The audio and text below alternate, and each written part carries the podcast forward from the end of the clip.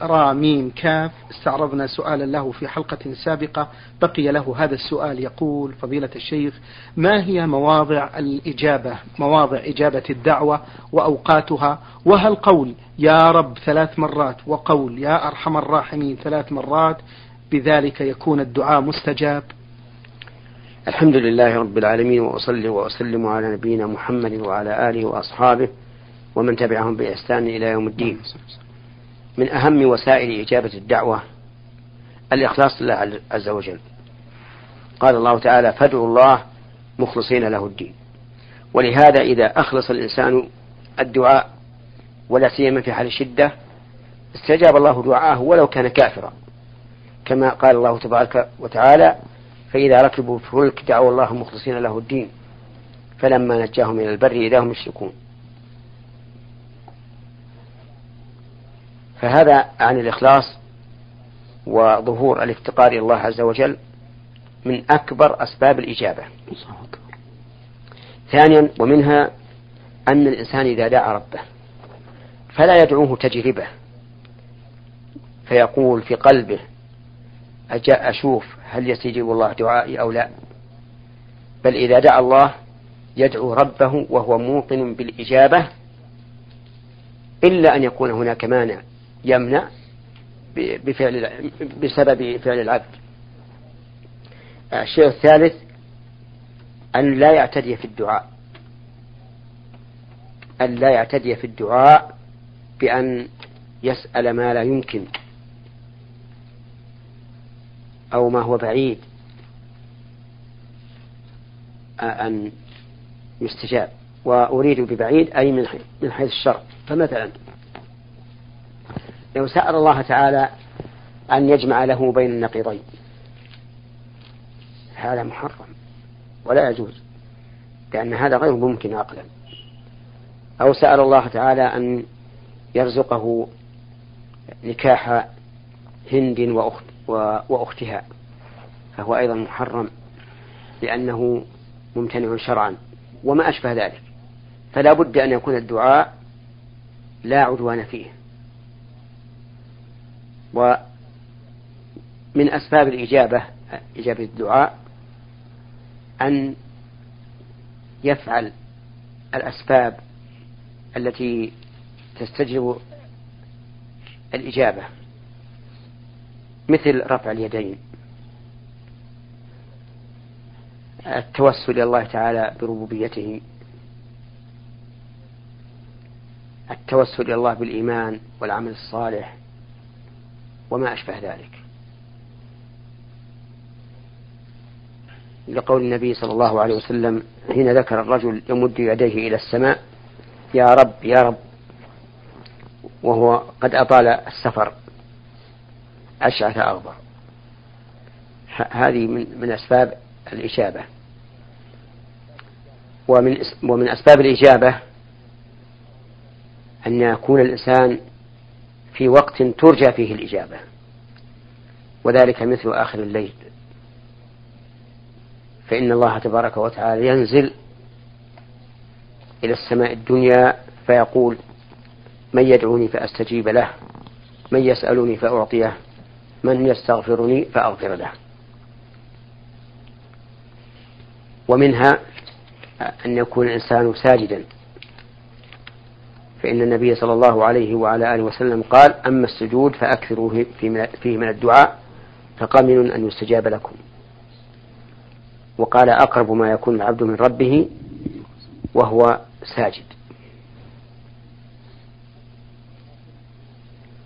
لكن هنا شيء مهم وهو أن أكل الحرام مانع من موانع الإجابة. كما قال النبي صلى الله عليه وسلم في الرجل يطيل السفر أشعث أغبر يمد يده إلى السماء يا ربي يا رب ومطعمه حرام وملبسه حرام وغذي بالحرام فأنى يستجاب لذلك فاستبعد النبي صلى الله عليه وعلى آله وسلم أن يستجاب للرجل إذا كان يتغذى بالحرام طعاما وشرابا وكسوة. وهذا يوجب للمؤمن أن يحذر حذرا عظيما من أكل المحرم.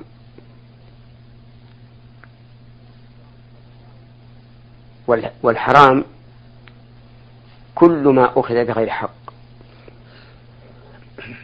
سواء كان سرقة أم غصبا أم زيادة الثمن بالغش؟ أم زيادة الثمن بالربا؟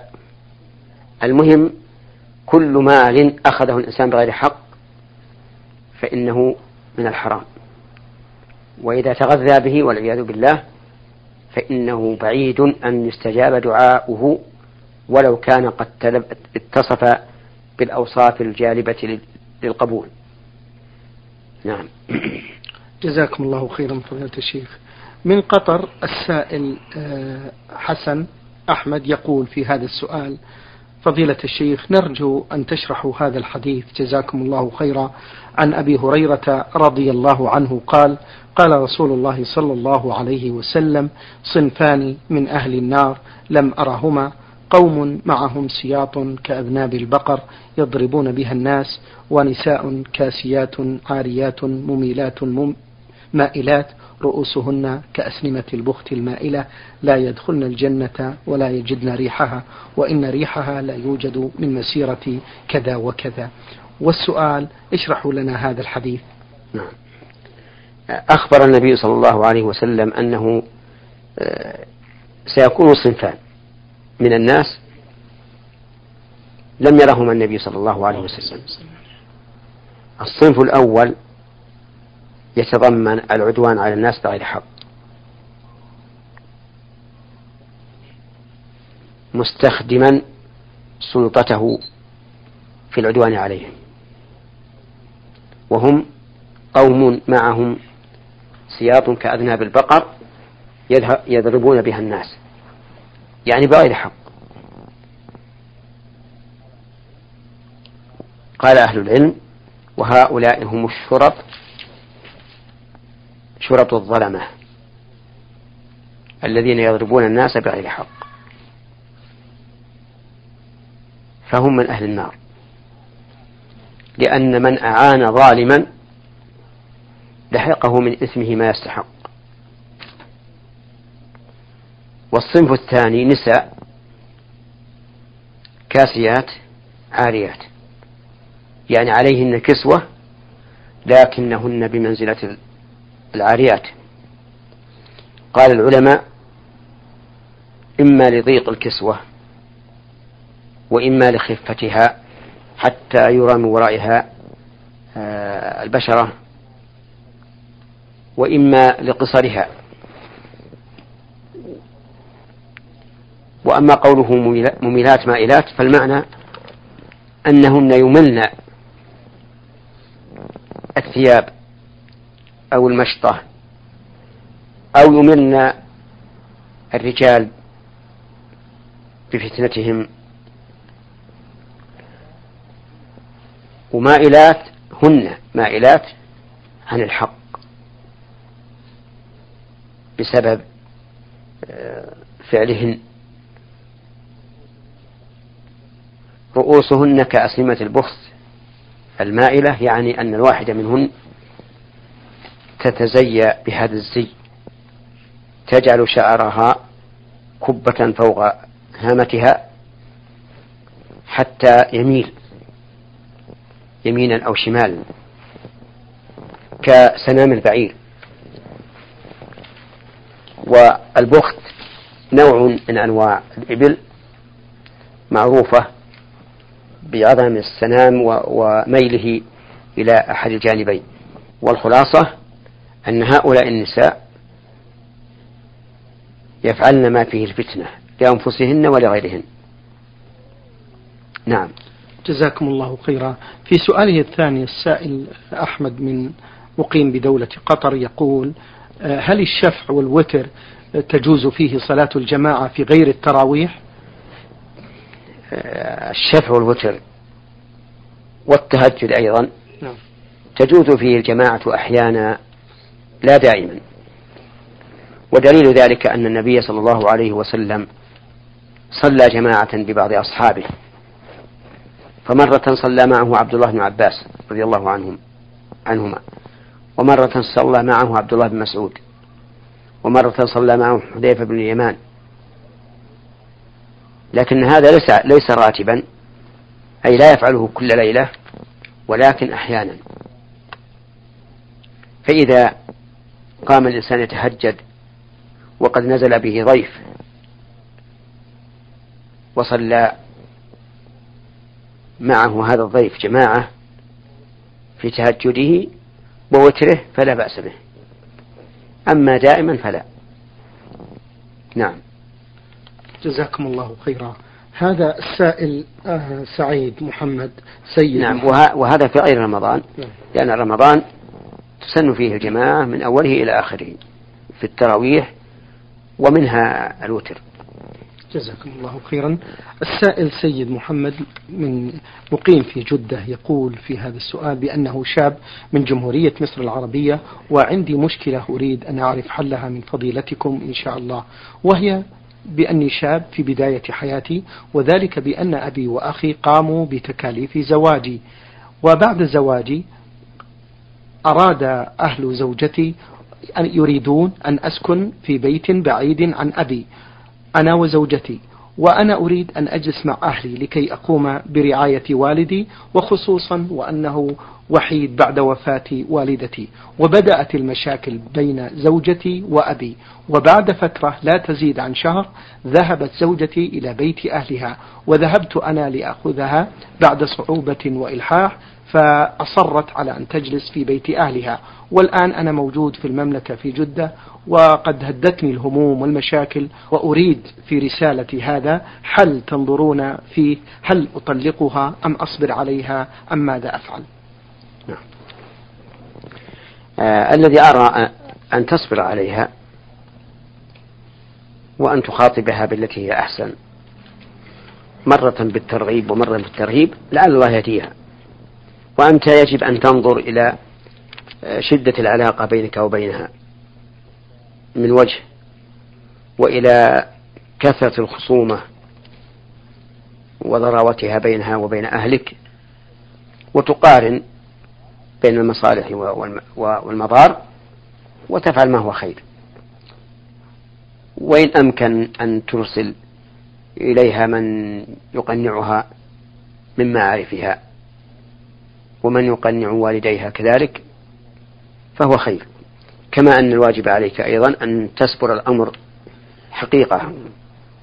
فإذا كان الخطأ من أهلك فاجعلها في بيت وحدها. وإذا كان الخطأ منها فيجب عليها أن تتقي الله عز وجل وأن تقوم بواجب زوجها. جزاكم الله خيرا.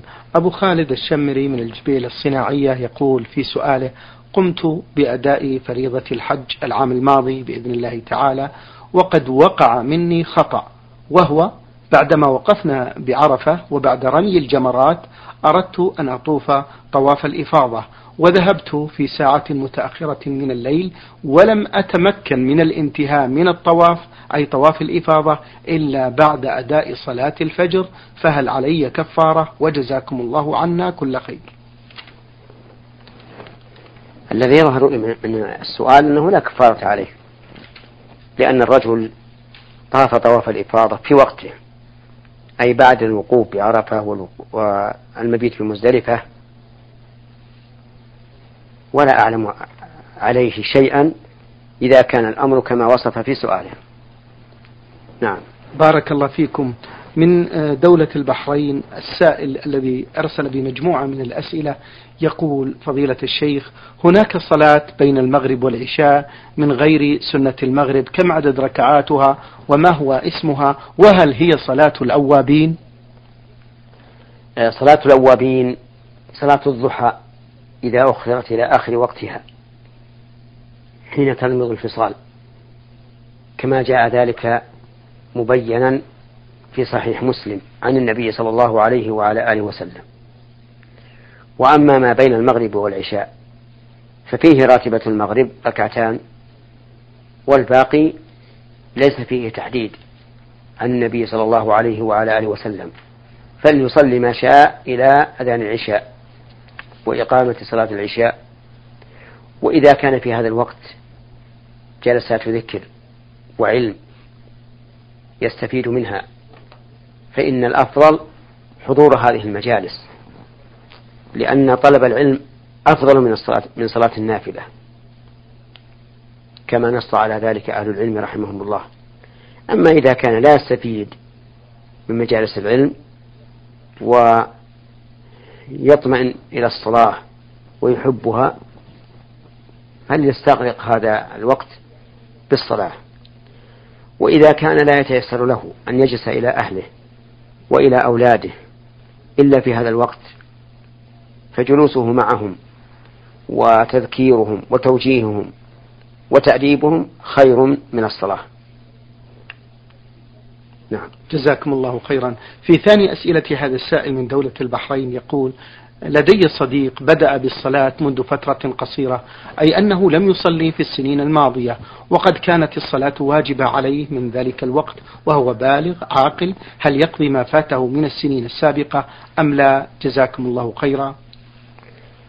في هذا خلاف بين العلماء رحمهم الله فأكثر العلماء على وجوب قضاء الصلاة الفائتة عليه لأنه بالغ عاقل لا عذر له.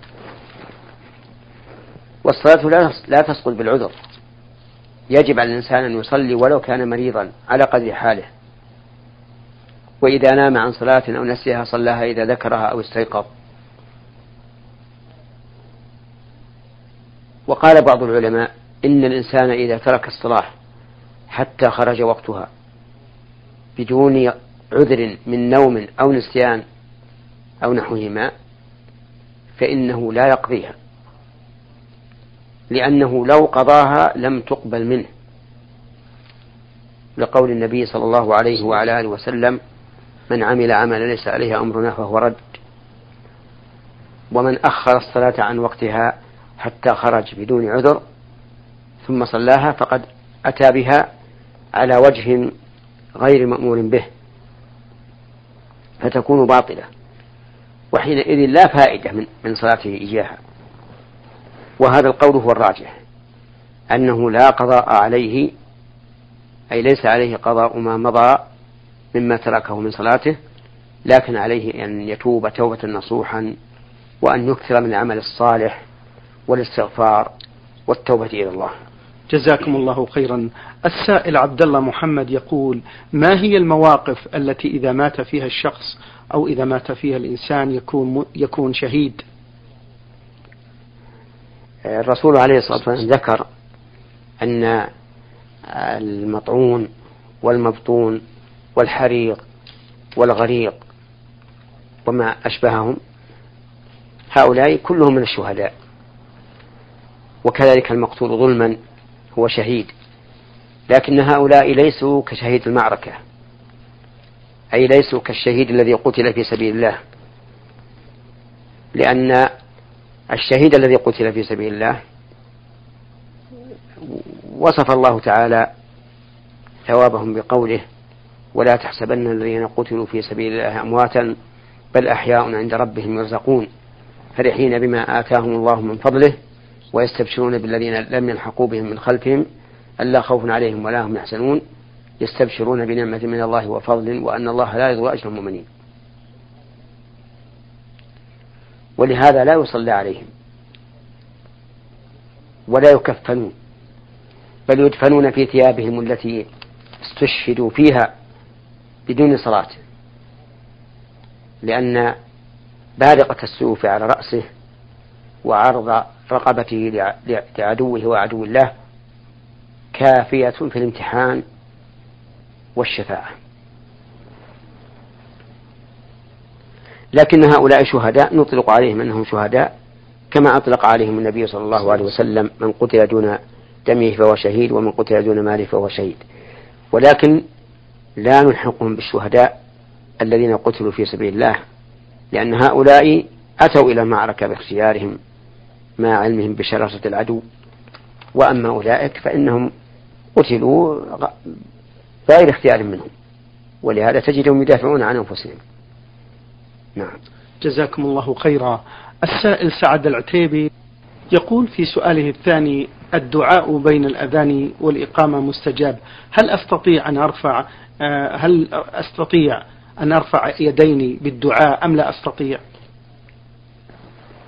التعبير بهذا لا هل أستطيع أو لا؟ غير سليم. لأنه يستطيع أن يرفع يديه. لكن لو قال هل يستحب نعم. أن أرفع يدي فجوابه نعم يستحب أن الإنسان إذا دعا بين الأذان والإقامة أن يرفع يديه لأن الأصل أن رفع اليدين في الدعاء مشروع ومن آداب الدعاء ومن أسباب الإجابة لكن ما لم ترد فيه السنة ما لم ترد ما لم ترد السنة برفع الأيدي فيه لا ترفع فيه الأيدي. وهذه المسألة النصوص فيها على ثلاثة أقسام. القسم الأول ما علمنا أنه لا رفع فيه. وذلك مثل مثل الدعاء أثناء الخطبة خطبة الجمعة. فإنه لا ترفع فيه الأيدي. لا من الإمام الخطيب ولا من المستمعين. إلا في حال واحدة. إذا دعا بالاستسقاء يعني دعا الله تعالى أن يغيث الخلق. فهنا يرفع يديه ويرفع الناس الناس أيديهم أيضا. وكذلك إذا دعا في الاستصحاء فإنه يرفع يديه. ودليل ذلك حديث أنس بن مالك رضي الله عنه أن رجلا دخل يوم الجمعة والنبي صلى الله عليه وسلم يخطب فقال يا رسول الله هلكت الأموال وانقطعت السبل فادعوا الله يغيثنا. فرفع النبي صلى الله عليه وسلم يديه وقال اللهم أغثنا اللهم أغثنا اللهم أغثنا. ورفع الناس أيديهم معه. فما نزل من منبره إلا والمطر يتحاذر من لحيته عليه الصلاة والسلام. بقي المطر على المدينة أسبوعا كاملا. لم يروا الشمس. وسالت الأودية. فدخل رجل يوم الجمعة الثانية أو الرجل الأول وقال يا رسول الله غرق المال وتهدم البناء فادعوا الله يمسكها عنا. فرفع النبي صلى الله عليه وعلى آله وسلم يديه وقال اللهم حوالينا ولا علينا اللهم على الآكام والضراب وبطون الأودية ومنابت الشجر. فانفرج السحاب عن المدينة وصار المطر حولها وخرج الناس يمشون في الشمس. ما عدا ذلك فإن الخطيب لا يرفع يديه أثناء الدعاء في الخطبة. هذا علمنا ذلك من أن الصحابة رضي الله عنهم أنكروا على بشر بن مروان حينما رفع يديه في الدعاء حال الخطبة. كذلك نعلم أن الرسول صلى الله عليه وسلم لا لا يرفع يديه في الدعاء في التشهد ولا في الجلوس بين السجدتين. بل يداه موضوعتان على فخذيه عليه الصلاة والسلام. القسم الثاني أن أن لا نعلم أن لا نعلم أن النبي أن النبي صلى الله عليه وسلم رفع يديه ولا يكون هو ظاهر الحديث. فحينئذ لا نرفع الأيدي. وذلك مثل الدعاء عند القبر. فإن النبي صلى الله عليه وسلم كان إذا فرغ من دفن الميت وقف عليه وقال استغفروا لأخيكم واسألوا له التثبيت فإنه الآن يسأل. ولم يرد في ذلك رفع يدين فالظاهر عدم الرفع. القسم الثالث ما عدا ذلك فالأصل فيه الرفع أي في الدعاء. لأن الرفع من آداب الدعاء أعني رفع اليدين من آداب الدعاء وأسباب الإجابة. هذه هي خلاصة رفع اليدين في الدعاء. وعلى هذا نقول إن الدعاء بين الأذان والإقامة من هذا النوع. إن الإنسان يرفع يديه ويدعو الله تعالى بما أحب من خير الدنيا والآخرة. جزاكم الله خيرا. هذا سائل للبرنامج أرسل بسؤالين. السؤال الأول يقول فيه فضيلة الشيخ كما نعلم بأن الأضحية توزع إلى ثلاثة أقسام. ثلث يتصدق به وثلث يهدى وثلث لأهل الميت. ولكن لتسعة من أبناء العم. يقوم كل منهما يقوم كل منهم بعمل أضحيته في المطبخ وتقديمها لجميع الإخوان دون أن نتصدق بثلث أو أن نهدي ثلث. فهل يجوز ذلك؟ الصدقة بالثلث من الأضحية ليست بواجبة. لك أن تأكل كل الأضحية إلا شيئا قليلا تتصدق به. والباقي لك أن تأكله. لكن الأفضل أن تتصدق وتهدي وتأكل. ثم إن الإهداء أو الصدقة إنما يكون في اللحم النيء دون المطبوخ. وهذا سهل والحمد لله. إذا كان يوم العيد وضحيت فأرسل إلى الفقراء ما تيسر. وأهدي إلى جيرانك وأصدقائك ما تيسر وكل الباقي سواء أكلته في يوم العيد أو في يوم العيد وأيام التشريق أو ادخرته إلى أكثر من ذلك. نعم. جزاكم الله خيرا.